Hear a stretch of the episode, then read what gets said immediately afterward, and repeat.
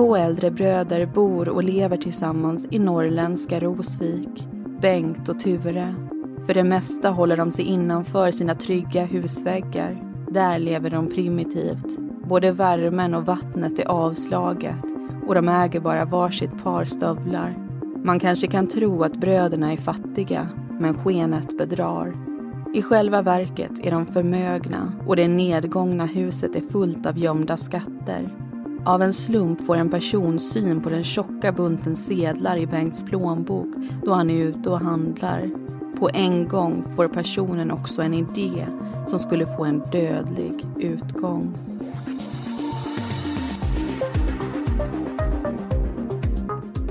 Du lyssnar på Mordpodden, en podcast om den mörka verkligheten. I veckans avsnitt berättar vi om dubbelrånmordet i Rosvik.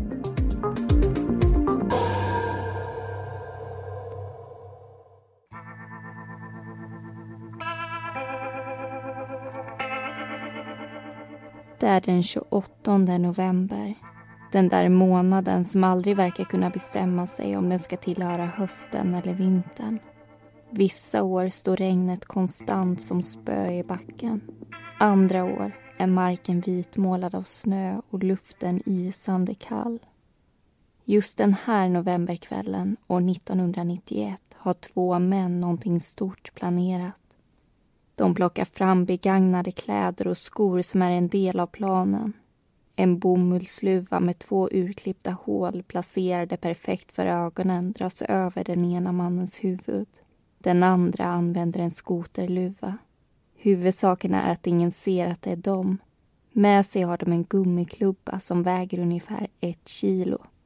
Med hjälp av det ska de förhoppningsvis lyckas med sin plan att ta sig in i två bröders hem och stjäla deras pengar. De hoppas att de slipper använda sig av våld men om de boende gör motstånd har de ju alltid klubban. Siktet är inställt på pengarna. Bröderna som bor i fastigheten är bara ett hinder på vägen. Mellan klockan åtta och nio på kvällen beger sig männen dit. En boende i området får syn på två män som kommer gående i riktning mot bröderna Perssons gata. Det är först när de springer in på tomten som han börjar misstänka att någonting märkligt är i görningen. Han letar upp en plats där han har bra översikt över huset. Han ska minsann ta reda på vad männen har i kikan. Från utsiktsplatsen ser han att en av inkräktarna gömmer sig bakom uthuset på brödernas tomt. Den andra står vid entrén till huset. Den nyfikne mannen har förflyttat sig men tycker fortfarande inte att han ser tillräckligt bra. Vad är det de sysslar med egentligen? För att kunna se ännu bättre rör han sig mot en soptunna. Kanske kan han klättra upp på den. Men när han lyfter på plåtlocket ger tunnan ifrån sig ett ljud. Det är ganska svagt, men tydligen tillräckligt för att männen ska höra. På ett ögonblick springer de två inkräktarna och gömmer sig bakom uthuset. Där står de och trycker en liten stund. Men sen lämnar de tomten och försvinner därifrån. De två bröderna som bor i huset heter Ture och Bengt Persson 1985 drabbades Ture av en hjärnblödning och blev rörelsehandikappad i både höger arm och ben. Sedan dess har han varit sjukpensionär. Bengt är också pensionär, men det beror på hans ålder. Han är 70 år gammal och därmed sex år äldre än sin bror. Bröderna Persson är ogifta och bor tillsammans i ett äldre hus i centrala Rosvik som ligger längs med kusten mellan Piteå och Luleå. Men vad som döljer sig bakom väggarna är det få människor som vet. Deras syster, som egentligen var den enda personen som de hade kontakt med, dog år 1989. Sedan dess har det bara varit de två. Ingen familj, inga vänner, bara de. Ett år efter att systern hade gått bort tänkte en avlägsen släkting besöka bröderna. Men han kom bara till dörren. Den var låst och Ture och Bengt släppte inte in honom. Ingen är någonsin välkommen i deras hem. Den enda som byborna ser skymten av, det är Bengt. Det har nämligen fallit på hans lott att sköta alla deras inköp. Ture går bara ut nattetid. Men inte ens då lämnar han tomten. Han tar gärna en promenad, men bara runt huset. Bröderna Persson går emot strömmen när det gäller många saker. De är helt enkelt inte som alla andra. När Bengt är ute och handlar åt dem köper han ofta stora partier av samma sak. Det kan handla om tolv strumpor, skjortor och byxor. Alla likadana och i samma färg. En gång köper han ett helt lass med hundkoppel trots att de bara behöver ett. Vad bröderna har för sig om dagarna är det ingen som vet. Men de flesta i byn vet att de har mycket pengar.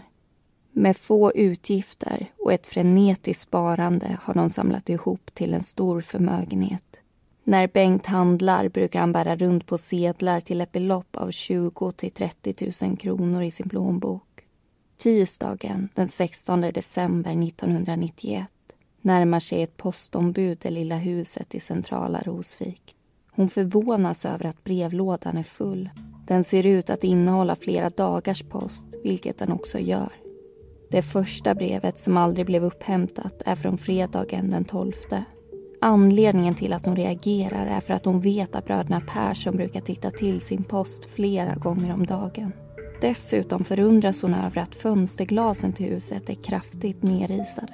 Postombudet tar sina iakttagelser på största allvar och ringer polisen i Piteå som kommer dit.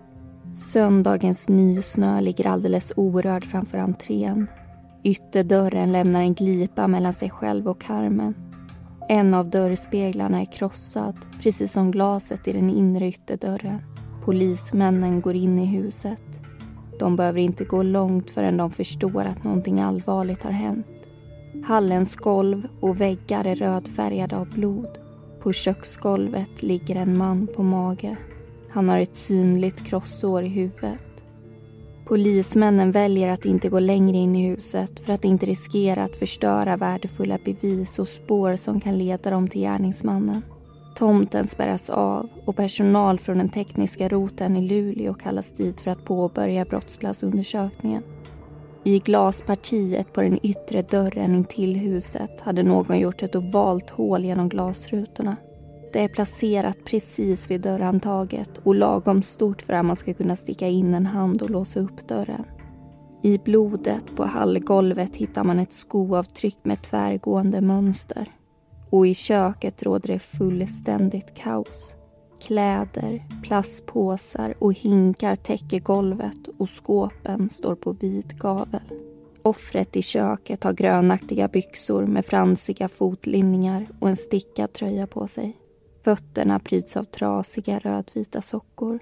Han identifieras som Ture Persson. Brodern hittas i vardagsrummet.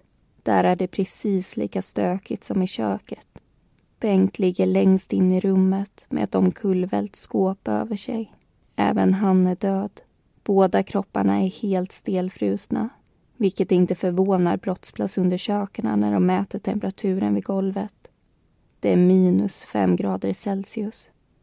Många i byn kände till att bröderna hade betydligt mer pengar än de visade utåt sett medan andra inte hade en aning.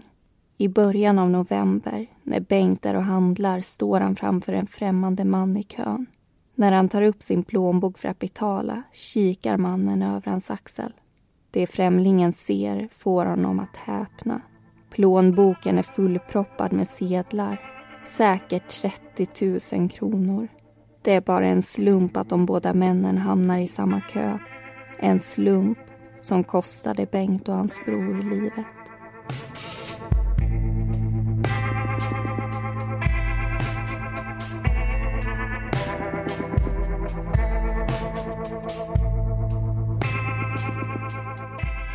Du lyssnar alltså på Mordpodden och dubbelrånmordet i Rosvik. Och innan vi fortsätter berättelsen så ska ju vi i vanlig ordning hoppa in en liten sväng i studion. Och jag heter Linnea Bolin. Och jag heter Amanda Karlsson. Och vi kommer ju leda dig igenom det här mordfallet.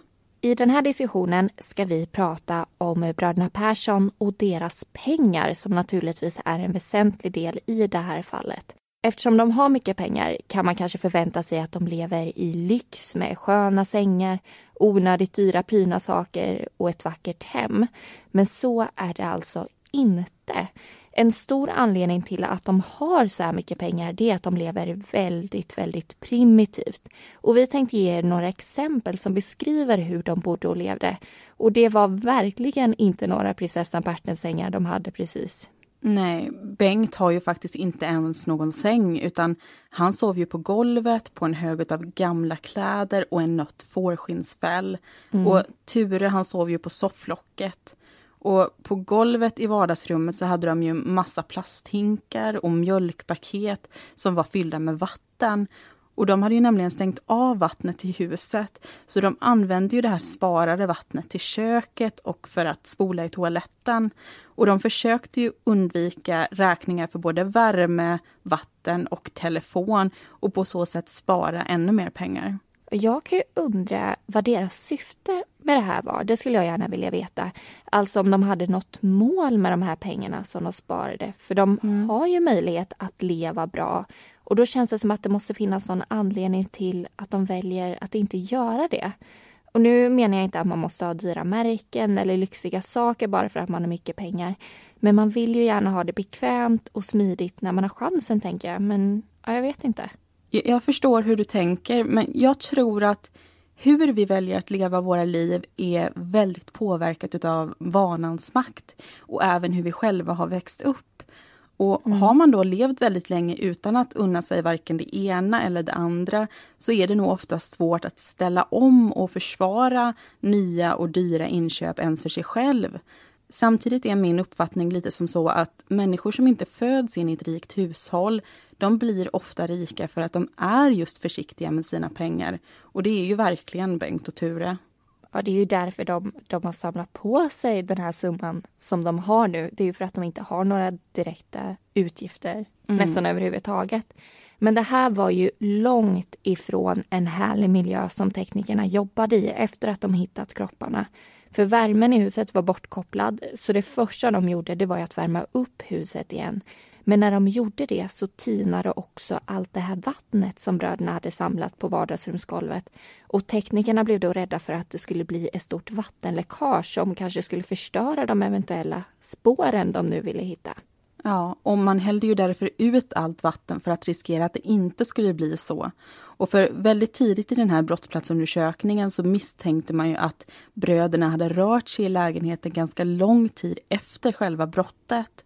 De hade ju alltså inte dött direkt. För i köket så fanns ju blodiga släpspår efter händer och det var fotspår efter turer på golvet som verkar ha gått runt i huset. Och då kom ju såklart nästa naturliga fråga. Varför bad de inte om hjälp? Ja, det är en fråga som vi nog tyvärr aldrig kommer få svar på. Men sen var det ju det där med pengarna. Ja, inuti soffan som Ture brukade sova på så hittade man ju en plastpåse med 30 000 kronor i. Och på den här påsen så stod det ju Bengt. Men det fanns fler soffor med fler överraskningar. Under den som stod i vardagsrummet hittades nämligen en kartong som innehöll 207 600 kronor i sedlar. Mm. Och pengarna låg ju i plastpåsar som var märkta med årtal från 1987 till 1991. Och på de här påsarna så stod det ju Tures namn. Och inte nog med det, för bakom soffans ryggstöd fanns ett inslaget paket och i det här paketet låg en papperslåda som innehöll 260 300 kronor. Så det låg ju lite pengar lite överallt i det här huset. Och de här 260 000 kronorna var troligtvis Tures pengar som han hade fått ihop innan han drabbades av hjärnblödning. De hade ju alltså lite mer pengar än pensionärer har i vanliga fall kan man väl sammanfatta det som. Det kan vi absolut göra. Men det var inte bara pengar som hittades under brottsplatsundersökningen. Förhoppningen är ju såklart att hitta spår efter gärningsmannen och det gjorde de också. Ja, skoavtryck hittades ju i blodet både på hallgolvet och i en korkmatta i köket. Och en del av den här mattan skars ju ut och de andra avtrycken de fotograferades ju. Ja, och det här skoavtrycket man hittade hade ett finräfflat mönster. Och hur mm. vet man då att det inte tillhörde bröderna själva om de nu hade levt ett tag efter att de blivit skadade? Jo, de ägde nämligen bara ett par stövlar var och de stövlarna hade helt avvikande mönster. Och det här är ytterligare ett exempel på att de inte använde pengarna eftersom de bara ägde ett par stövlar var. Men hur mycket pengar som har stulits, det kunde man inte heller riktigt få svar på. Men Bengts plånbok, som man vet brukade innehålla mycket pengar, den hittades ju inte. Och Sen trodde man ju att gärningsmannen kanske hade hittat Bengts kartong i kökssoffan och tagit pengar därifrån också. Och nu har vi ju under hela den här diskussionen sagt gärningsmannen. Men en väldigt viktig detalj är att brottsplatsundersökningen visade att det troligtvis rörde sig om två gärningsmän. Men om det stämmer eller inte, det kommer vi ju få veta lite längre fram i avsnittet. Vi ska alldeles strax berätta fortsättningen på fallet men först vill vi passa på att tipsa om en annan podd i Radio Play-familjen, nämligen Respodden. Som lyssnare får du följa med Sandy runt om i världen till hela nio destinationer. Det blir ett osensurerat och roligt äventyr och den heter Respodden alltså och kommer ut med nya avsnitt varje fredag. Men det är väl lika bra att vi kör vidare. Och den här delen kommer handla om polisens arbete för att hitta och få fast den eller de skyldiga. Vilket visar sig inte vara en helt enkel uppgift.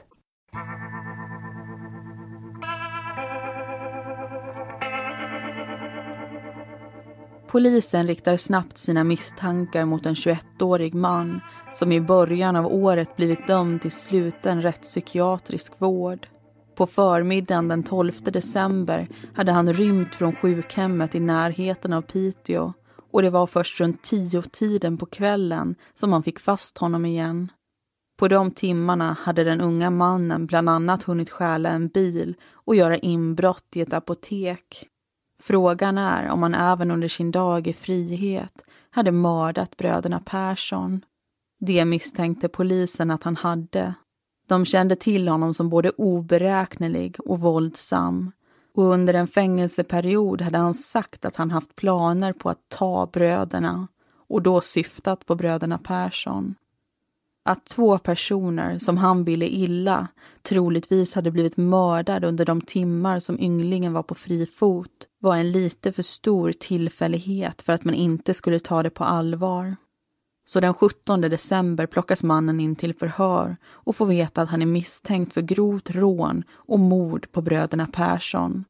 Den unga mannen förnekar att han har någonting med Bengt och Tures död att göra men han erkänner att han har besökt Rosvik under morddagen och han har vänt den stulna bilen på en infart i närheten av brödernas bostad. Kläderna och skorna som ynglingen haft på sig den 12 december undersöks samtidigt som man fortsätter att förhöra honom. Men något erkännande kommer inte. Han fortsätter att påstå att han inte rört ett hårstrå på bröderna. Frågan är nu om hans kläder kommer säga samma sak.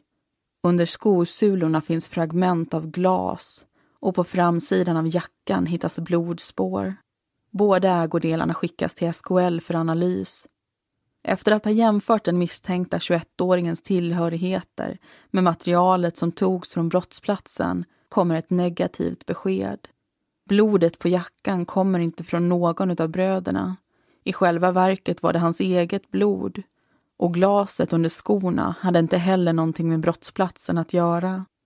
Det här innebär att den unga mannen som polisen har framför sig troligtvis är oskyldig och att den rätta gärningsmannen fortfarande är på fri fot. Läget känns hopplöst för polisen när de plötsligt får in ett intressant vittnesmål. Det är mannen som skrämde iväg två inkräktare från brödernas tomt den 29 november som hör av sig och berättar vad han har sett. Tyvärr hade mörkret hindrat vittnet från att få en bra och tydlig bild av förövarna. Men han kan i alla fall berätta att den ena var runt 185 centimeter lång och den andra huvudet kortare. Båda hade haft på sig någon slags jacka med huva eller uppfälld krage Polisen misstänker att männen som vittnat iakttagit var de personerna som polisen letade efter. Troligtvis hade de antingen varit där för att utföra brottet men tvingats avbryta eller så hade de bara utforskat platsen.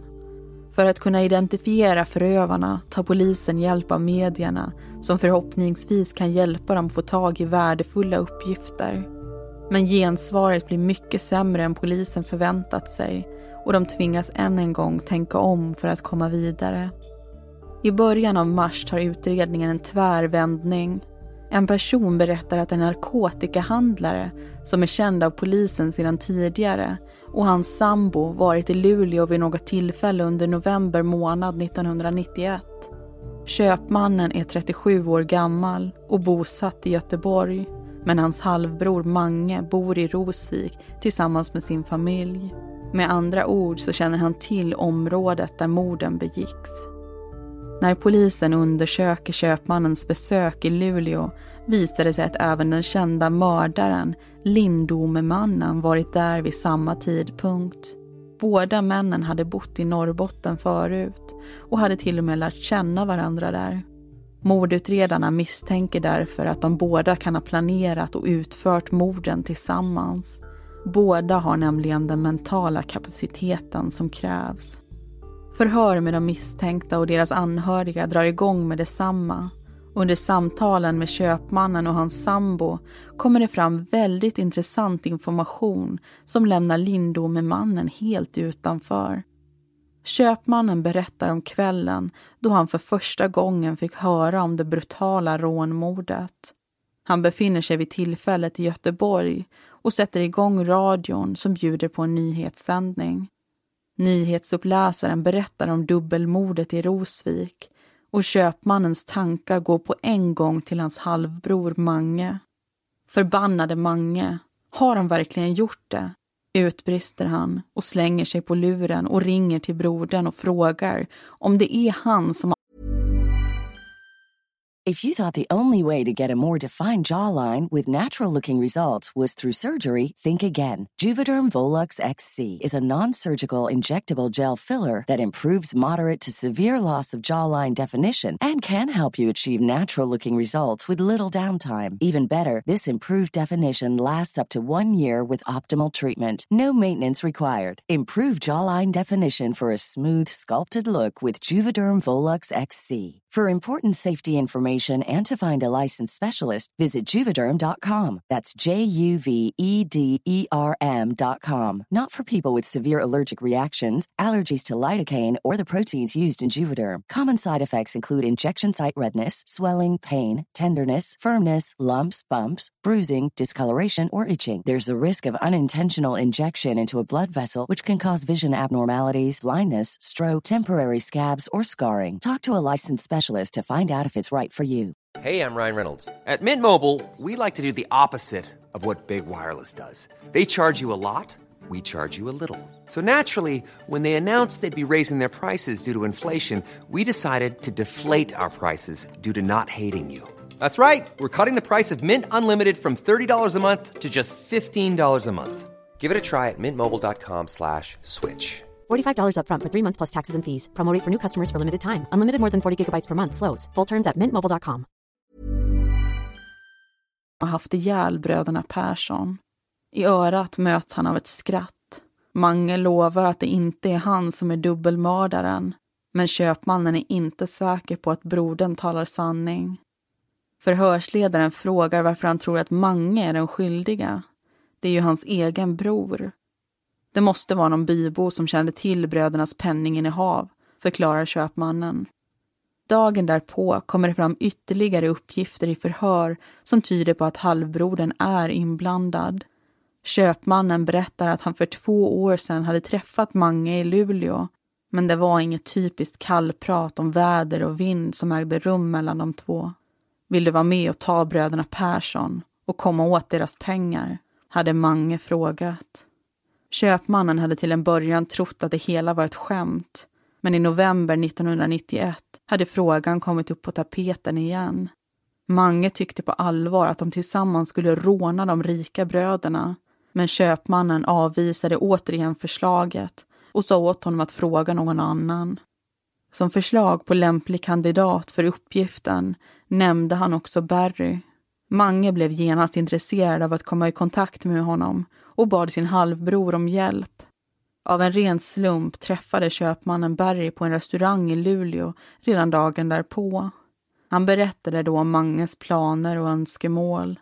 Barry, som hunnit få i sig ett par öl och var aningen berusad, tände till direkt på uppgiften. Det är bara att klubba ner dem och sen ta pengarna, hade han sagt hoppfullt. När köpmannen lämnade restaurangen lämnade han också allting som hade med rånplanen att göra.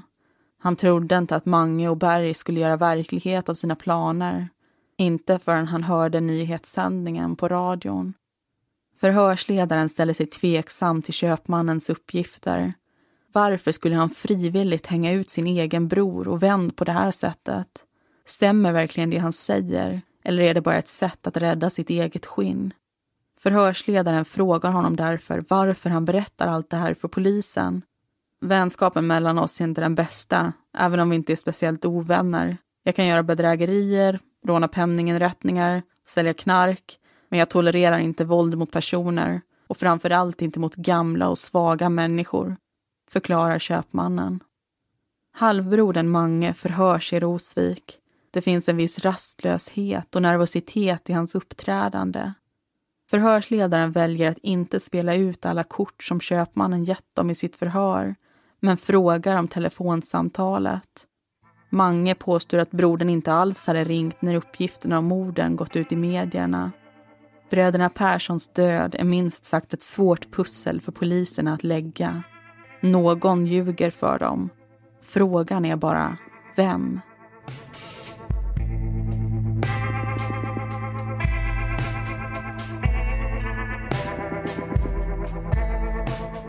Du lyssnar på Mordpodden. I säsong 3 tar vi upp mord som har skett i Norrbotten och Lappland. Där hörde du andra delen av dubbelrånmordet i Rosvik. Och just nu så är det ju ganska rörigt i utredningen som ni hör. Det är snabba vändningar hit och dit kring vem som är skyldig och inte. Och polisen befinner sig verkligen i en jobbig situation för SKL gick ju igenom alla bevis som säkrades på brottsplatsen och det visade sig att alla förutom det här skoavtrycket tillhörde offren själva. Och man tror såklart att gärningsmannen eller männen redan gjort sig av med sina kläder, skor och mordvapen. Så det enda sättet för polisen att egentligen få fast någon och kunna lösa det här mordet, det är om någon erkänner. Köpmannen tror ju alltså att det är hans halvbror Mange och hans kompis Barry som har mördat bröderna Persson. Och för att få en tydligare bild av vilka personer polisen har att göra med och hur deras livssituation ser ut så gör man ju en personkontroll både utav Mange och Barry. Och om vi börjar att berätta om Mange då kanske, mm. så skulle han snart fylla 50 år. Han var pappa till tre barn, gift sedan 30 år tillbaka Bodde i, i Rosvik i en vanlig villa kan man säga och han var inte tidigare kriminell och känd som duktig och skötsam och som en en vanlig och bra person kan man säga. Men mm. för närvarande så var han arbetslös. För han hade tidigare haft en arbetsledande ställning vid ett större företag i Norrbotten. Men den här anställningen hade upphört i slutet av november 1991. Men han hade fått lön året ut och han hade dessutom fått ett avgångsvederlag på 116 000 kronor. Så enligt den här kollen verkade Mange alltså inte ha speciellt stort behov av pengar. För det verkade ju som att pengar var själva motivet till morden. Ja. Och om vi då går in på det som de kom fram till i Barrys personkontroll. Det var ju att Barry är i 40-årsåldern när det här sker. Han är frånskild, har två minderåriga barn och bor i en egen villa i Luleå. Och han är också fast anställd vid ett större företag i Norrbotten. Och på 1970-talet, alltså en bra bit tillbaka i tiden, så hade han ju blivit dömd för misshandel och stölder. Men det finns faktiskt en person till som polisen bestämde sig för att undersöka. För när de förhörde köpmannen så nämnde han nämligen en person som heter Tor i förbifarten. Tor är en nära vän till Mange och köpmannen trodde att han faktiskt var kapabel till att utföra det här rånet. Ja, och Tor han är ju i 50-årsåldern. Han har problem med alkoholen.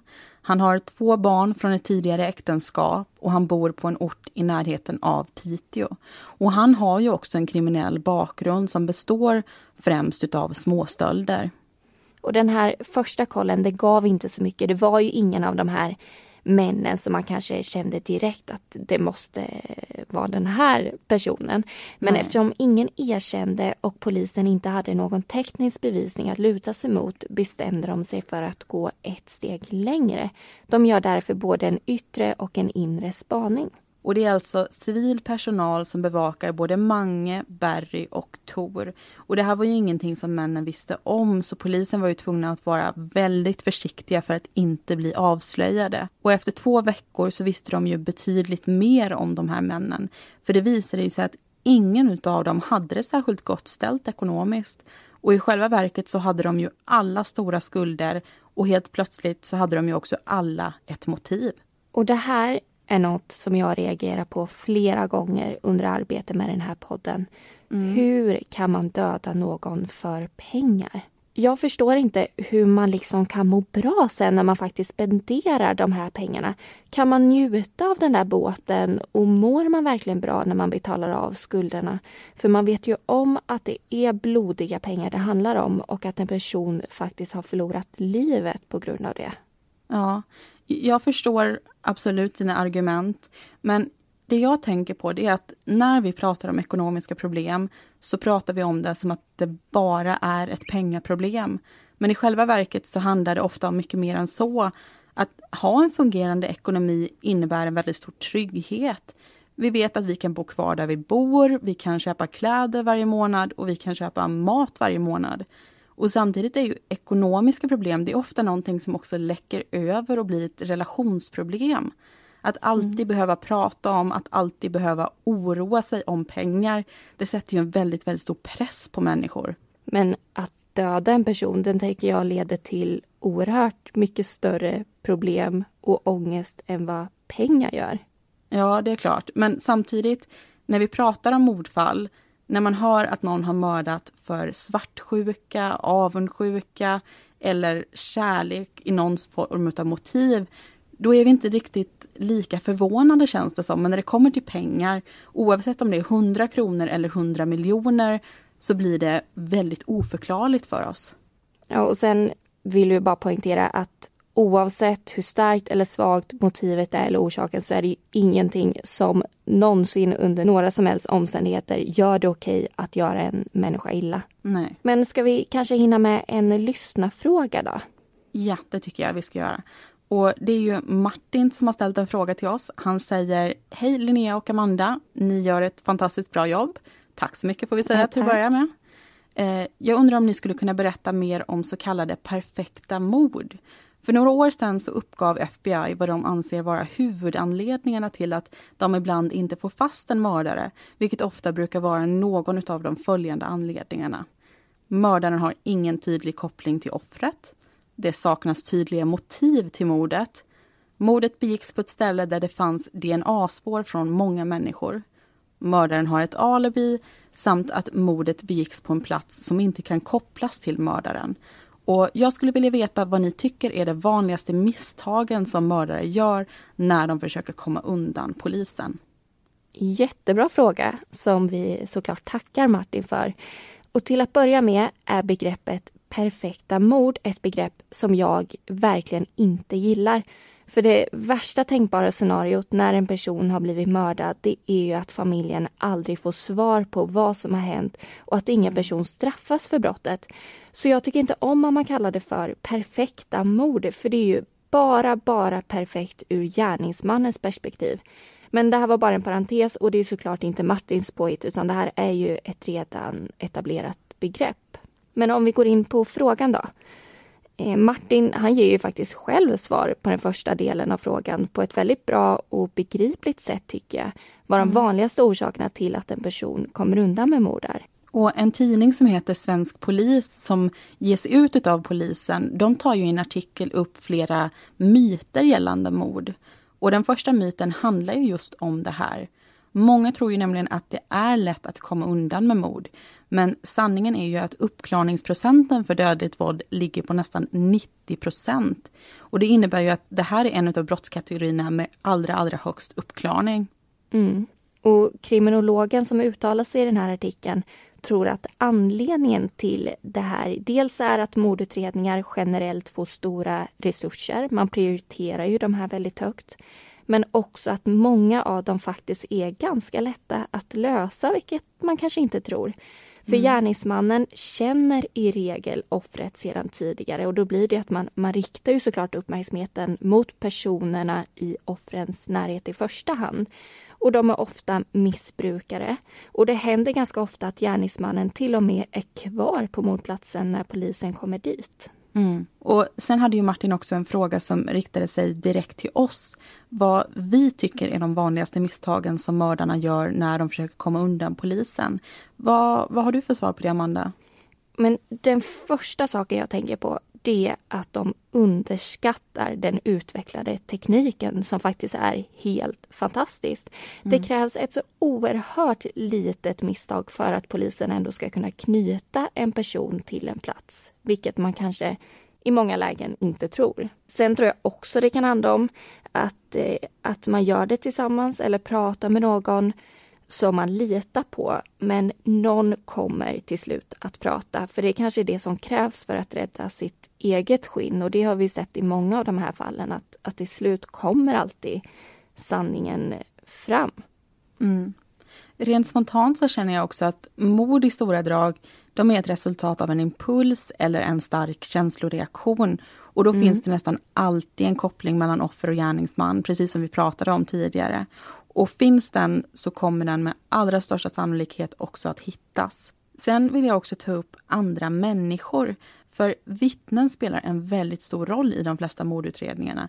En person kanske har hört en duns och en annan har sett hur en bil har kört iväg med något stort i bagageutrymmet 20 minuter senare. Och oavsett hur försiktig man som mördare är så är det svårt att i vårt samhälle idag helt och hållet undvika att bli sedd.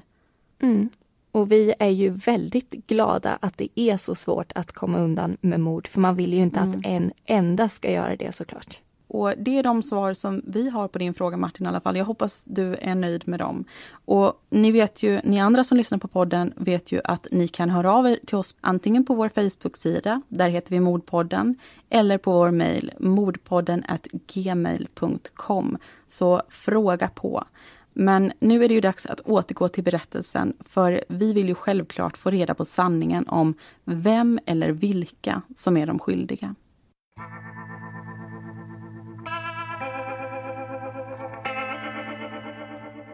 Efter flera förhör kommer till slut erkännandet som polisen behöver för att komma vidare i utredningen. Det är den 2 april 1992 Köpmannens halvbror Mange avslöjar att han är en av dem som rånade bröderna. Han vill nu dela med sig av sin historia om vad som hade hänt den där kvällen i november när de två äldre bröderna miste livet. Han förevarnar att han inte kommer ihåg alla detaljer men är beredd att dela med sig av det han minns. Mange hade förlorat sitt jobb i slutet av november 1991 och var tvungen att betala tillbaka stora skulder vid årsskiftet. Han var helt enkelt i stort behov av pengar och när han hade fått syn på Bengts plånbok såg han en enkel lösning på alla sina problem. Mange hade försökt få köpmannen att hjälpa honom med rånet men han vägrade och föreslog att han skulle höra med Barry istället. Med alkohol i kroppen hade Barry nappat på en gång men när han var nykter och det väl kom till kritan ville inte han heller ställa upp. I oktober hade Mange istället ställt frågan till sin vän Tor och äntligen hade han fått tag på sin medbrottsling. Först var planen att de skulle råna bröderna redan den 28 november.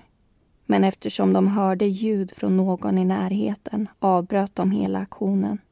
Men på natten mot Lucia-dagen var det dags igen. Dagen innan såg de till att skaffa sig själva ett alibi. Tor hade en husvagn uppställd nära Arjeplog, 32 mil från Rosvik. De hittade på för vänner och familj att Tor hade fått reda på att husvagnsdörren stod öppen så att de var tvungna att åka dit för att se så han inte hade haft inbrott. Men i själva verket tog de bilen och bara åkte dit och tillbaka till Rosvik igen på en gång. På hemvägen passade de på att tanka bilen i Arjeplog med kontokort så de hade bevis på att de verkligen hade varit där. Med kamouflerade ansikten begav de sig till bröderna Perssons hus. Klockan var ungefär två på natten. I Manges hand låg den ett kilo tunga gummiklubban och vilade. Huset var helt kolsvart. Planen såg precis likadan ut som den hade gjort den 28 november. Men de hoppades att de den här gången kunde genomföra den utan att bli upptäckta. Mange använde klubban för att slå sönder glasrutan i ytterdörren så Tor kunde sticka in handen genom hålet i glaset och öppna dörren. Det hela tog längre tid än vad de hade trott och när dörren väl var öppen visade det sig att det gömde sig ytterligare en ytterdörr bakom som även den var glasad upp till.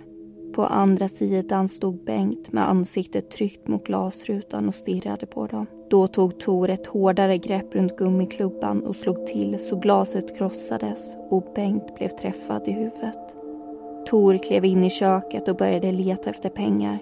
Men allt han fick tag på var en handledsväska med 16 450 kronor i. Båda bröderna som hade blivit slagna försökte kravla sig upp från golvet.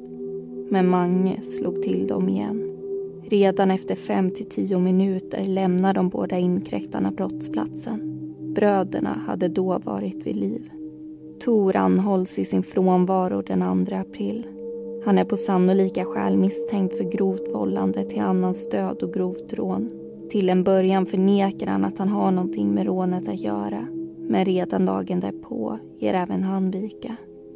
Han erkänner sin delaktighet i brottet men han uppger flera detaljer som skiljer sig från Manges historia. Tor menar att de under planeringen hade kommit överens om att gummiklubban bara skulle användas för att krossa glaset i dörren så de kom in i huset. Absolut inte som ett vapen mot bröderna. Planen var att Mange skulle hålla fast dem medan Tor letade efter pengarna. Mange hade en stor och vältränad kropp och eftersom bröderna var gamla skulle det inte vara något problem. Båda gärningsmännen påstår att de hade kastat både skor, kläder och gummiklubban på en soptipp i trakten någon dag efter rånet. Mange medger att han slog två slag mot offrens huvud, alltså fyra slag totalt. Men rättsobducentens resultat visar att de hade fått sex respektive sju slag mot huvudet. Frågan är vem som hade utdelat de resterande nio. Vid den fortsatta utredningen framkommer inga bevis eller uppgifter om att Tor skulle ha hållit i eller använt gummiklubban mot offren på brottsplatsen. Även uppgifterna om pengarna de hade kommit över ifrågasätts. Tures pengar ser ut att vara helt orörda. Ingen av rånarna verkar ha hittat hans gömställe. Men polisen kommer fram till att Bengt borde haft mellan 300 till 400 000 kronor. Gärningsmännen påstår att de bara fått tag i 16 450 kronor och i soffan låg det kvar 30 000. Var fanns då mellanskillnaden?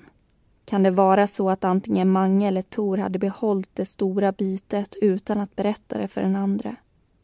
Hur det låg till gällande pengarna är en fråga som aldrig fått något svar. Men tack vare att polisen lyckades få fram ett erkännande fick i alla fall gåtan om vem som hade dödat bröderna Persson sin lösning. I det här fallet tyckte två personer att pengar hade ett större värde än två personers liv. En ekvation som i många människors huvud inte går ihop, men i deras gjorde det det. Och på grund av det fick två bröder som hade levt och bott tillsammans i många år även gå in i döden sida vid sida.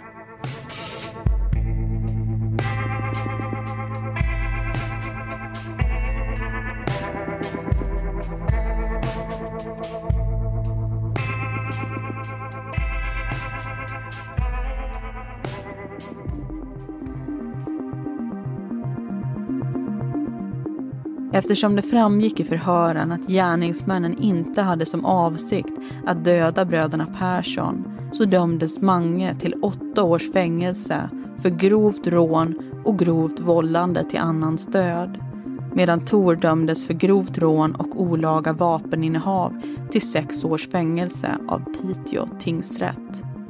Det var allting som vi hade att berätta om dubbelrånmordet i Rosvik. Informationen är hämtad ifrån artiklar och från den nordiska kriminalkrönikan från 1993. Nästa vecka åker vi vidare genom Norrbotten och Lappland och då ska vi berätta om Caroline-fallet.